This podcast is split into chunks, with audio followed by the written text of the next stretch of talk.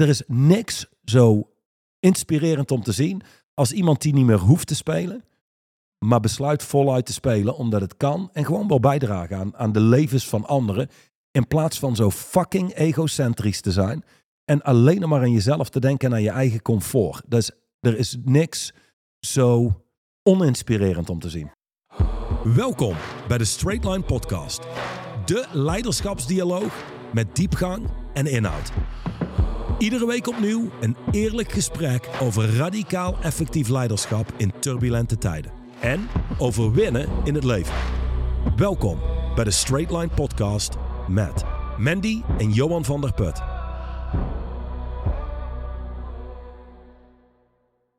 In al onze jaren van straight line coaching hebben wij gezien dat één distinctie, één innerlijke shift, dieper gaat dan alle andere. Zodra deze verandering ondergaan wordt, zodra ze de distinctie zien en echt duidelijk waarnemen, lukt het mensen hun toekomst naar een veel hoger prestatieniveau te tillen. Ze behalen hun behoogde resultaten en het werkt altijd wanneer ze meer productiviteit en betere resultaten willen. Dit is de introductie van hoofdstuk 33 van het boek Straight Line Leadership. En wij hebben het hier natuurlijk over de distinctie. Bedenken hoe versus besluiten om. Dat is de distinctie. Dat is de distinctie. Dankjewel. Um, Johan van der Put. Ik zal jou natuurlijk even officieel introduceren. Dankjewel. Voor alle luisteraars. Mandy van der Put. voor alle luisteraars die nog nooit geluisterd hebben. Um, nou ja, dit is natuurlijk uh, een, een zeer interessante uh, introductie in een hoofdstuk van een boek dat vol staat met distincties. En uh, volgens Duchan is dit dan toch de distinctie die de allergrootste impact op korte termijn maakt in de levens van mensen. Bedenken hoe versus besluiten om. aan het einde van deze alinea staat: ze shiften van willen weten hoe ze iets moeten doen, naar gewoon besluiten om het te doen. Ja, Vertel. Nou, de, ik denk een van de redenen waarom dit zo'n succesvolle distinctie is, is sommige distincties kun je nog intellectueel benaderen. Mm -hmm. Deze distinctie snijdt door al je mentale onzin heen en komt direct tot de kern. Ik kan een voorbeeld geven. Heel graag. Inderdaad. Nou, ik, um, wij hebben een cliënte gehad en zij werkte met um, zeer succesvolle families die um, hun familievermogen overdragen naar de volgende generatie. Nou komt daar regelmatig oneenigheid bij kijken. Ze was al twee jaar bezig met het starten van een opleiding, training om om te gaan met discussies, om om te gaan met oneenigheid.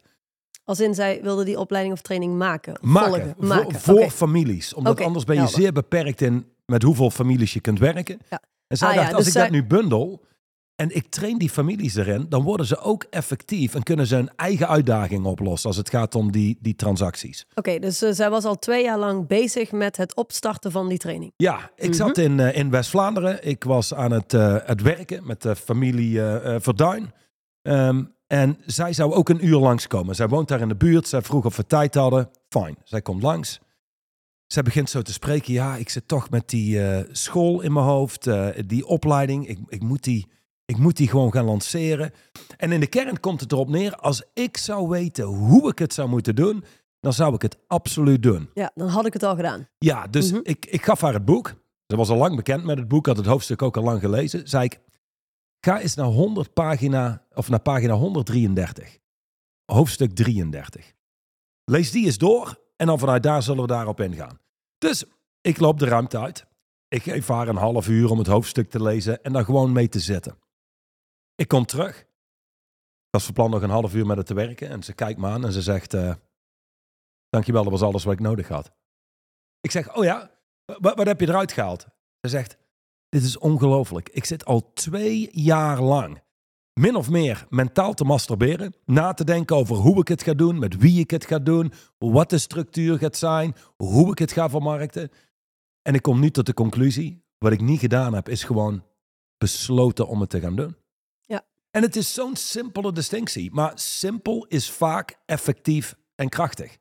Dus die snijdt meteen door al die mentale onzin heen, komt meteen tot de kern en ze is vervolgens ook gestart. Internationaal met grote families en gaat om grote vermogens. En, eh, dat is wat die distinctie kan doen. Ja, dat is wat, wat natuurlijk de interne werelddialogen van heel veel mensen doen. Mensen hebben een goed idee en in plaats van dat ze besluiten om dat idee tot een duidelijk doel te maken en te realiseren, ehm, komt het brein, onze wat wij noemen interne werelddialoog, en die zegt hoe dan, maar met wie dan, hoe ga ik dat dan aanpakken en wat moet ik dan precies doen, ik weet niet wat ik moet doen. En vervolgens ehm, eh, komen we geen stap vooruit in het leven. Nu kan ik mij goed voorstellen als er zakelijk leiders, ondernemers aan het luisteren zijn, dat ze denken, ja oké, maar ja, wij ondernemers hebben dat toch juist niet. Daarom zijn wij degene die dingen doen die andere mensen niet doen. Is dat zo? Mhm. In sommige gevallen, Hm. eh, laat ik het zo zeggen, totdat mensen een beslissing moeten nemen die verschijnt voor ze als groot of als misschien wel risicovol. Mhm. Of als ze niet heel goed, een- als ze geen goed beeld hebben, hoe komt dit er nou daadwerkelijk in de praktijk uit te zien? Dan worden mensen aarzelend, inbeslissend. Ja, precies. Hoe langer je in je hoofd zit, hoe kleiner de kans is dat je vervolgens nog gaat besluiten. Dus ja, ik hoor wel meer ondernemers. Ja, wij ondernemers hebben dat toch niet? Ja. Ehm, het is nogal generaliserend, maar mijn observatie is, jawel, absoluut. En zeker ook zeer grote, succesvolle ondernemers. Exact. Ik denk dat het belangrijk is eh, voor ieder mens om je te realiseren dat er altijd, soms bewust en soms- onbewust, onzekerheden zijn waar we mee rondlopen. En als we die niet op tafel krijgen en die niet facen, eh, dan gaan die onzekerheden een soort van eigen leven leiden in onszelf. En voor je het weet, ben je inderdaad bepaalde beslissingen niet aan het maken of bepaalde keuzes aan het uitstellen. Ehm, en en ja, dat is, dat is natuurlijk over het algemeen wat er gebeurt. Hè? We, zien, we zien wel wat we moeten doen, maar we, we, we duwen het naar voren. Ja, maar jij zegt net met onzekerheid. Ik denk dat heel veel ondernemers het niet eens zouden labelen of zouden herkennen als onzekerheid. Nee, dat is correct. Het is een reptiele brein wat een loopje neemt met je. Mhm. Dus ehm, ik heb ooit een lidmaatschap gedraaid. Er zit een ondernemer in. Hele leuke gast. Echt wel een succesvol bedrijf staan. En die zit daar en die zegt... Eigenlijk mijn grootste uitdaging is... Wij moeten in contact met een nieuw netwerk komen. Simpel gezegd, een groter, krachtiger, financieel sterker netwerk. En ik krijg maar niet uitgevonden hoe we dat gaan doen. Ik zeg oké. Ooit gehoord van de gun to the head test. Hm. Dit is wat het is. Als jij nu iemand hebt en die staat met een pistool op je hoofd en die zegt: Je hebt van mij 24 uur om een lijst te maken met 30 mogelijke kopers van je product of dienst, die je vervolgens ook daadwerkelijk kunt benaderen. 30 mensen. 24 uur. Heb je die lijst binnen 24 uur, dan blijf je leven. Heb je die lijst niet, dan schiet ik. Wat zou er gebeuren? En hij is zo stil. Ja, n- eh, ja, nee, dan zou ik de lijst hebben. Ik zei, oké. Oké, dus in de kern is het niet zozeer dat je niet weet hoe je het moet doen. Je hebt gewoon nog niet besloten om het te doen. Wat zou er gebeuren als je gewoon nu besluit het te gaan doen? Ja, dat opent een enorme wereld. En ergens komt het voort vanuit een onzekerheid. Jezelf niet willen confronteren met de lijst of met de gesprekken die daaruit voortkomen. De verzoeken die je te doen hebt aan dat nieuwe netwerk, wat misschien verschijnt als veredeld bedelen of wat dan ook. Dat is wat we uit de weg gaan. En gewoon je reptiele brein neemt echt een loopje met je. Die, die laat je echt geloven dat je niet weet hoe. Maar de meeste mensen weten wel hoe. Als ze maar besluiten om het te gaan doen en dan vinden ze een manier. Exact. Al, al weet je nog niet hoe, dan vind je wel een manier. Eh, in een online meeting die ik vanmorgen had, eh, was dit toevallig ehm, eh, een, een belangrijk onderdeel. Ehm, waar uiteindelijk als mensen besluiten om iets te gaan doen, dan ik zou ik bijna wel zeggen, ontvouwt de weg zich vanzelf. Die wordt vanzelf zichtbaar welke acties er dan nodig zijn. En als niet zichtbaar is welke acties er dan nodig zijn, dan vind je ze wel uit. En als nog niet zichtbaar is welke informatie je mist, ja, dan kom je er vanzelf achter op het moment dat je de beslissing hebt gemaakt. Echter zei ik vanmorgen ook in die online meeting, wat belangrijk is om te realiseren, ook voor al onze luisteraars, is een beslissing is pas een beslissing op het moment dat er ook acties uit voortkomen. Want heel veel mensen die doen alsof ze een beslissing gemaakt hebben en vervolgens gebeurt er niks. Ik had iemand anders die zei, ja, ik was vroeger altijd zo'n eeuwige twijfelaar. Dan maakte ik een beslissing, maar ja, een dag later dacht ik, misschien is dat toch niet de juiste beslissing. En dan ging die vervolgens weer kijken wat de andere opties waren. Een beslissing is pas een beslissing op het moment dat er een actie uit voortgekomen is. Tot die tijd is het, nou ja, zoals jij daarnet zei, heel mooi mentaal masturberen. Eén ding daarover is trouwens wel nog belangrijk. Dus eh, beslissen en aan het beslissen zijn betekent we zijn aan het overwegen. Exact. Voors, tegens, pluspunten, negatieve punten, mogelijke risico's. Je zult vanuit aan het beslissen moeten overstappen naar het maken van een keus. Ja. En dat betekent, je bent op de hoogte van alle voors en tegens. Je bent op de hoogte van mogelijke risico's, consequenties. En los daarvan kies je. Dat is wat je te doen staat. En precies wat jij zegt, veel mensen blijven hangen in het maken van een keus. Ja, Die precies. zijn aan het beslissen. En dat is niemands land. Want in niemands land gebeurt er gewoon niks. Dat is wat mensen moeten beseffen. Aan het Ja. beslissen zijn, Is niks. nee. Nee, maar kiezen is ook niks op het moment dat er geen actie uit voortkomt. Eh, en, en dat is denk ik belangrijk. Veel mensen nemen een beslissing of maken een keus. Echter, op het moment dat je een beslissing neemt of een keuze maakt en vervolgens niet in actie komt, dan geef je jezelf ruimte om te gaan heroverwegen of dat de juiste keuze is geweest. Dan blijf je precies in die wereld van overwegingen. En hoe langer je daarin zit, hoe minder snel je eruit komt. Dat wordt echt een, een mentale mist. Ja. En alleen nog noodgevallen kunnen binnenkomen als er echt nu iets moet gebeuren. Maar an- en je ziet het ook in die mensen. Dat, dat lijken net op koeien die naar een slachthuis worden gebracht. gewoon zijn er niet echt bij. Je ziet, het wordt gewoon, dit is een ongeluk wat op zich laat wachten. En zo gaan ze gewoon door. Het is gewoon niet gezond voor een ondernemer. Een ondernemer kan in de kern alleen maar beslissen iets te gaan doen, iets niet te doen. Maar dat aan het beslissen zijn, geen keus maken, wat ook een keuze is, Mhm. Dat maakt je heel kwetsbaar. Dat maakt je very easy to kill als ondernemer. Het maakt je als ondernemer very easy to kill. Het maakt je als leider zeer ongeloofwaardig.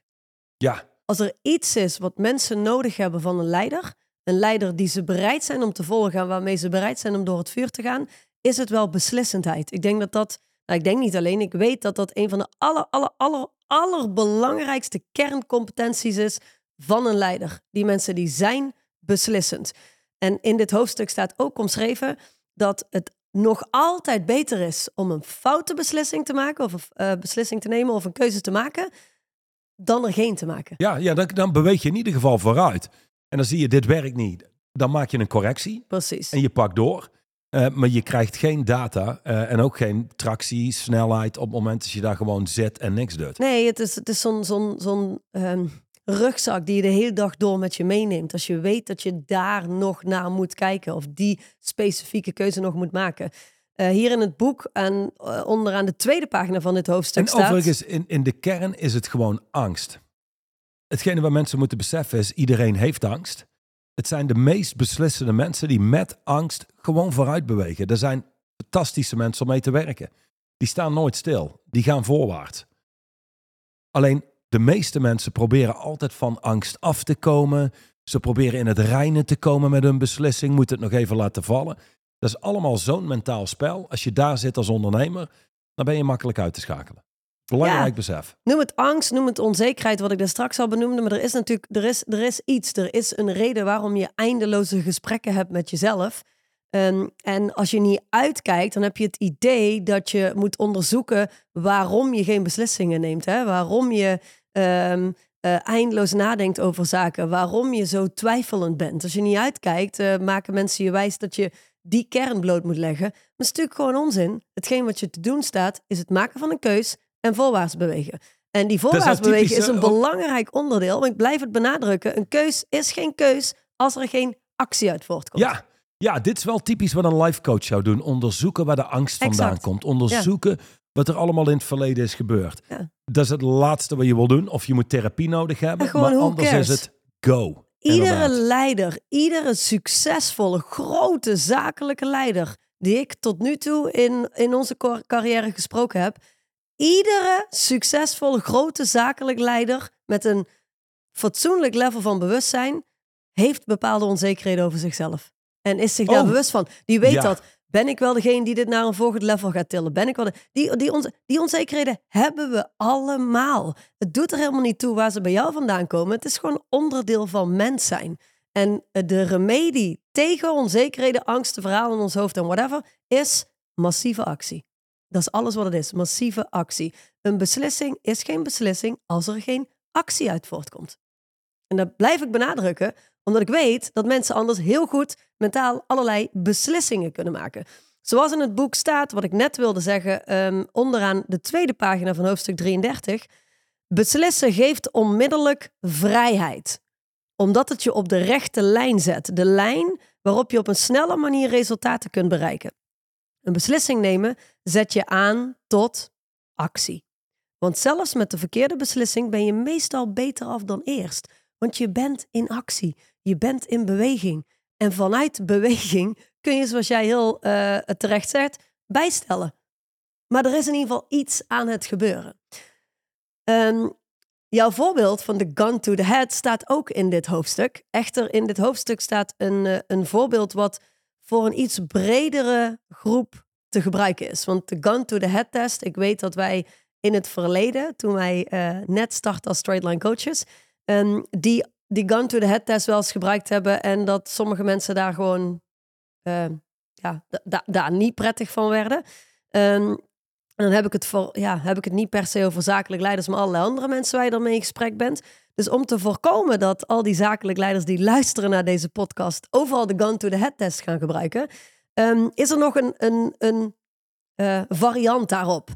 Op de derde pagina van dit hoofdstuk staat, door Duchamp geschreven, er is een vraag die wij stellen aan cliënten om ze te bevrijden als ze vastzitten in het probleem van niet weten hoe ze een resultaat moeten behalen. En deze vraag geeft toegang tot de kracht van het daadwerkelijk besluiten. Ze kunnen simpelweg beslissen te gaan handelen. Wij noemen dit de million dollar vraag. Oftewel, in plaats van dat we zeggen, als ik nu een, een geweer op je hoofd zou zetten en je krijgt 24 uur de tijd om uh, te komen met een lijst van 30 mensen, zoals jij net uh, als voorbeeld gaf, zou je ook kunnen zeggen, je krijgt 24 uur de tijd om te komen met een lijst van 20 mensen of 30 mensen, 30 kwalitatief goede mensen waar je werkelijk iets mee kunt. En als je die over 24 uur hebt, of over 24 minuten zou je ook kunnen zeggen als je een lijst moet maken, uh, dan krijg je een miljoen dollar van me. Als je, als je mensen in één keer dat perspectief geeft, dus of je leven eindigt of je krijgt een miljoen dollar, um, dan in één keer uh, ontstaan er allerlei mogelijkheden. Dan in één keer geef je je brein een soort van een, een opening om anders te gaan kijken. Ja, absoluut. Het snijdt door allerlei mentale verhalen en onzin heen en dat legt Precies. meteen het rechte pad bloot. Precies. Uh, en dat klopt, je hebt helemaal gelijk. We leven in een tijd waarbij je soms moet spreken over ja. wat zou je doen als je een miljoen krijgt. Omdat sommige mensen, dit zijn nou niet zozeer zakelijk leiders, Nee, die maar wel mensen waar zakelijk... van de gun to the head test. Exact, ja. En dat zijn wellicht wel mensen waar de zakelijke leiders die hier naar luisteren mee te maken hebben. Dus dat is waarom ik dat voorbeeld um, uh, erbij geef. Um, op de eerste pagina, want daar was ik net eigenlijk, alleen we zijn een beetje door het hoofdstuk aan het springen en dat is prima. Op de eerste pagina heeft Duchan een stuk geschreven wat ik nog wel interessant vind. Um, ze moeten de inner stance van weten loslaten. Want dat is waar mensen niet tegen kunnen. En dat is misschien ook wat ik bedoelde net aan het begin van dit gesprek met onzekerheid.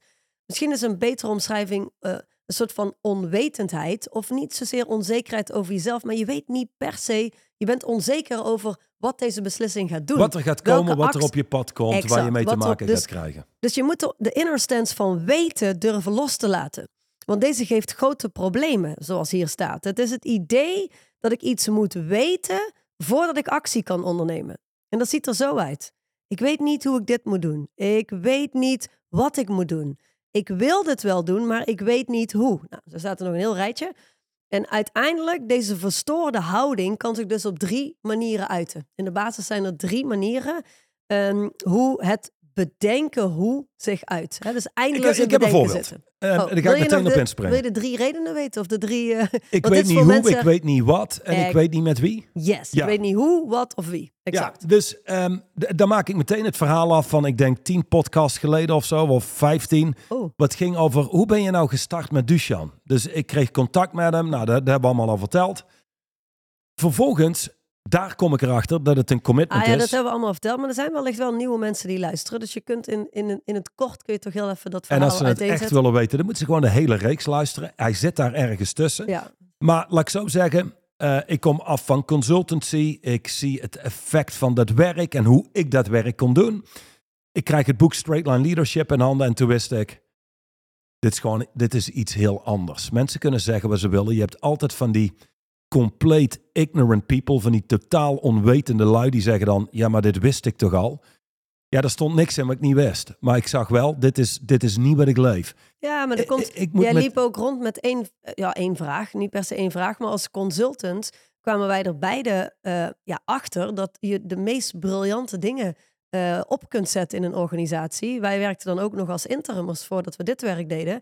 Ehm, alleen zorgen dat mensen daadwerkelijk ook implementeren wat je allemaal bedacht hebt, Dat is, nog een hele andere dat is wereld. alles, weet je. Ja, Ehm, laat ik zo zeggen, je kunt strategieën uitwerken wat je wil. precies. Er is geen één juiste strategie. Er is Nee. geen één cliënt van ons die het hetzelfde doet. Dus in de kern is dat bijna van ondergeschikt belang. Wie het moet implementeren. Dat is precies. alles wat het Ja, is. maar daar, daar liepen wij destijds tegenaan. Ja, nou, dus eh, ik lees dat boek. Ik kom in contact met Duchan en ik spreek met hem. En gewoon door dat gesprek dacht ik...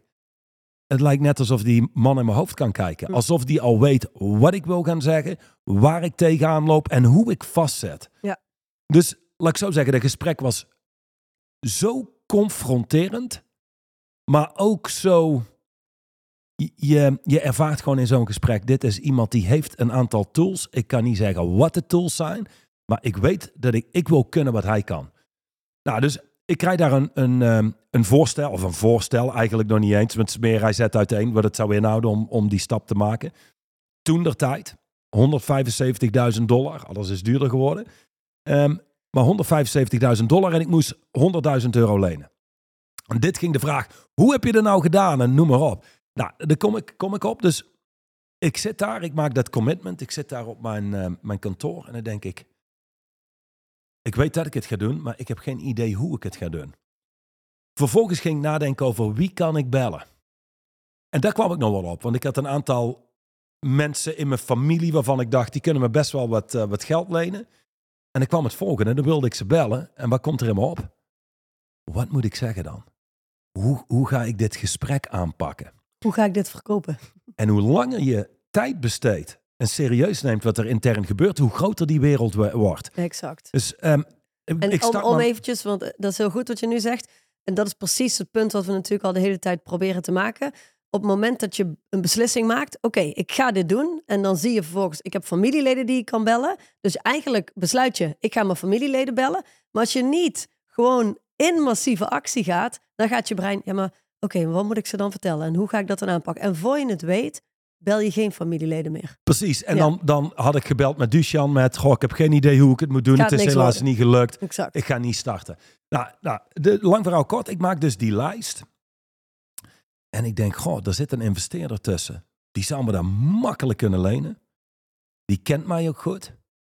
En ik weet nog dat ik in de auto zat en hem, en hem besloten had te gaan bellen. En dat ik de telefoon in mijn hand had en keek en dacht, hoe ga ik überhaupt dit gesprek openen?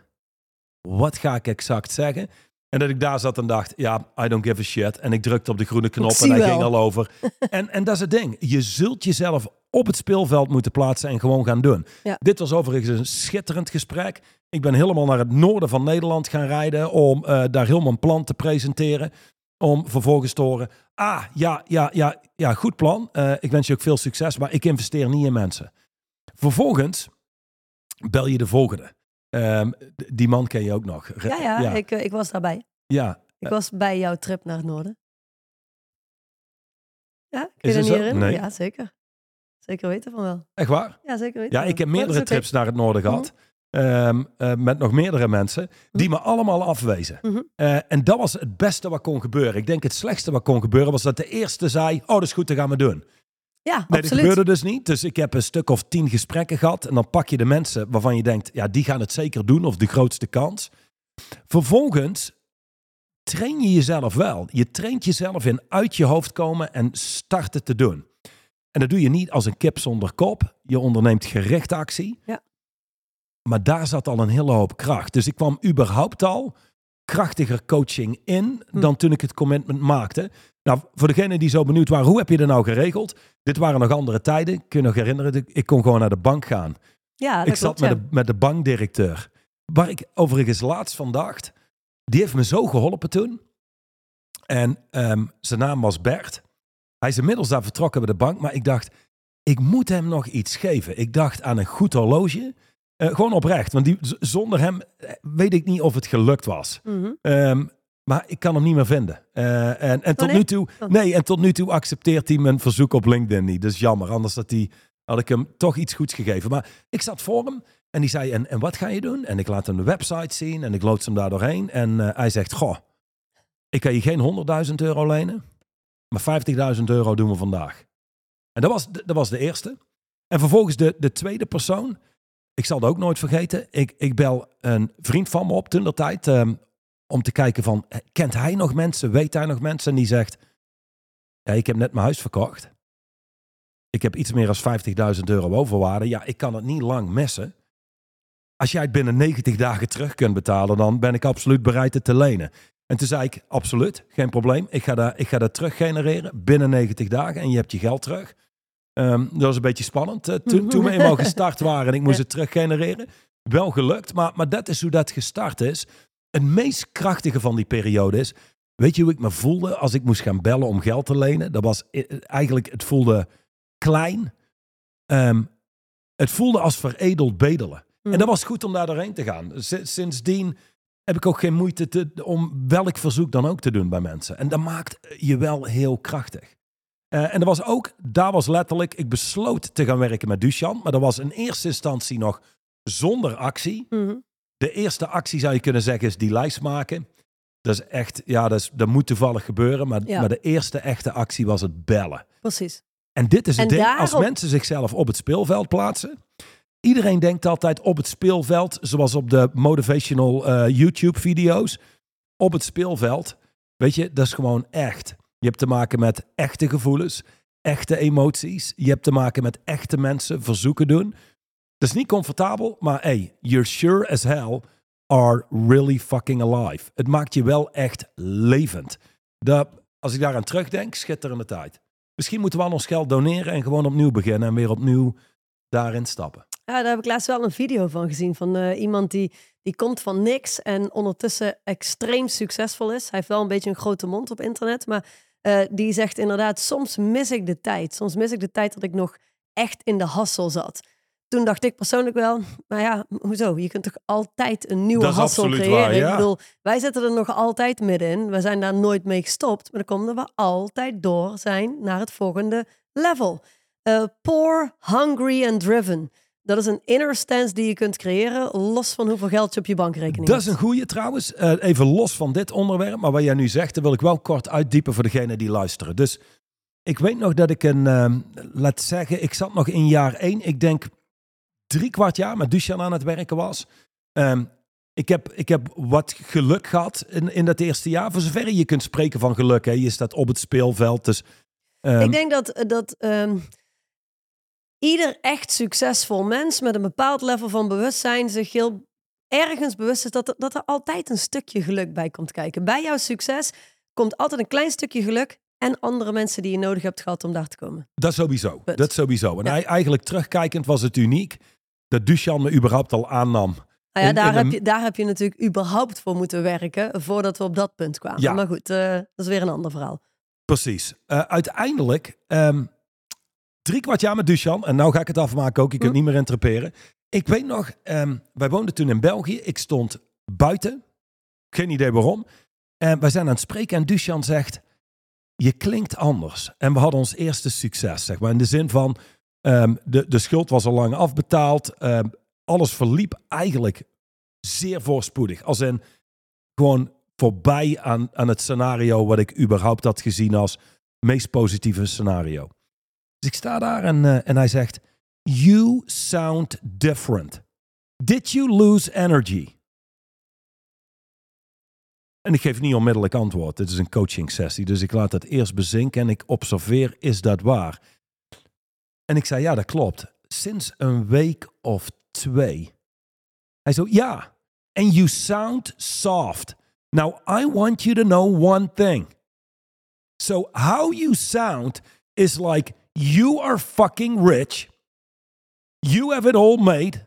You're all done, ready to retire. And here you have me. I could have been retired like since 1980 fucking 7. And I didn't. I, I still keep on going. I actually, like in Nederlands doen, ik handel alsof ik bloed ben. Niet needy. Als in, weet je, niet needy, ik zit geen mens achterna. Maar dit is vol gas vooruit. Er is geen terughoudendheid. En dat is voor de ondernemers die luisteren. Is, luister, welk niveau je ook zet.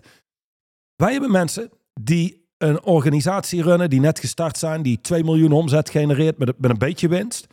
En, en, we hebben mensen die runnen organisaties die miljarden omzetten met zeer goede winsten. Dat, dat is het bereik.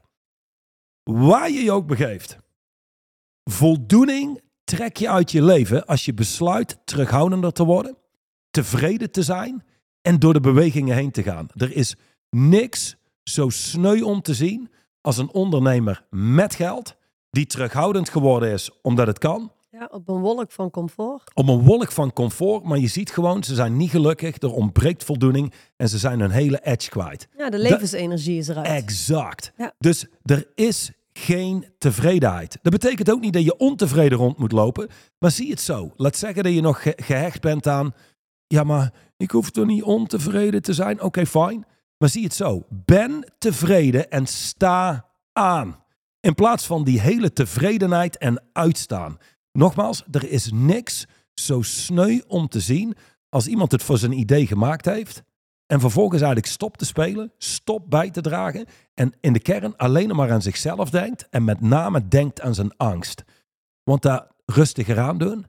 En dat hele retirement plan is niks anders als een dead plan.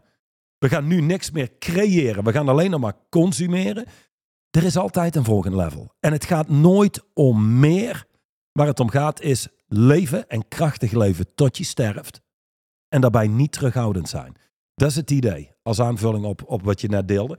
En, en er is niks zo inspirerend om te zien als iemand die niet meer hoeft te spelen. Maar besluit voluit te spelen omdat het kan. En gewoon wil bijdragen aan, aan de levens van anderen. In plaats van zo fucking egocentrisch te zijn.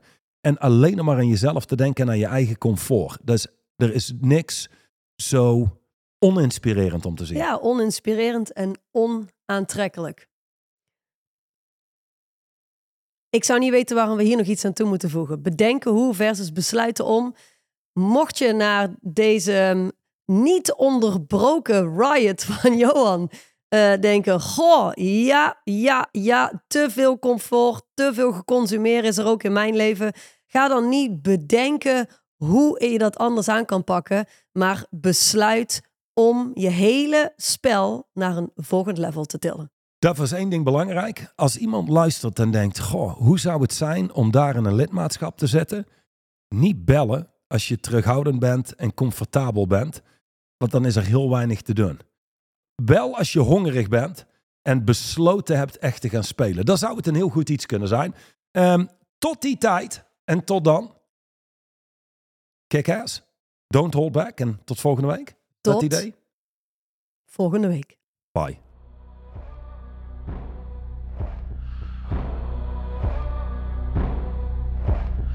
De overige podcast beluisteren of deze nog eens terugluisteren?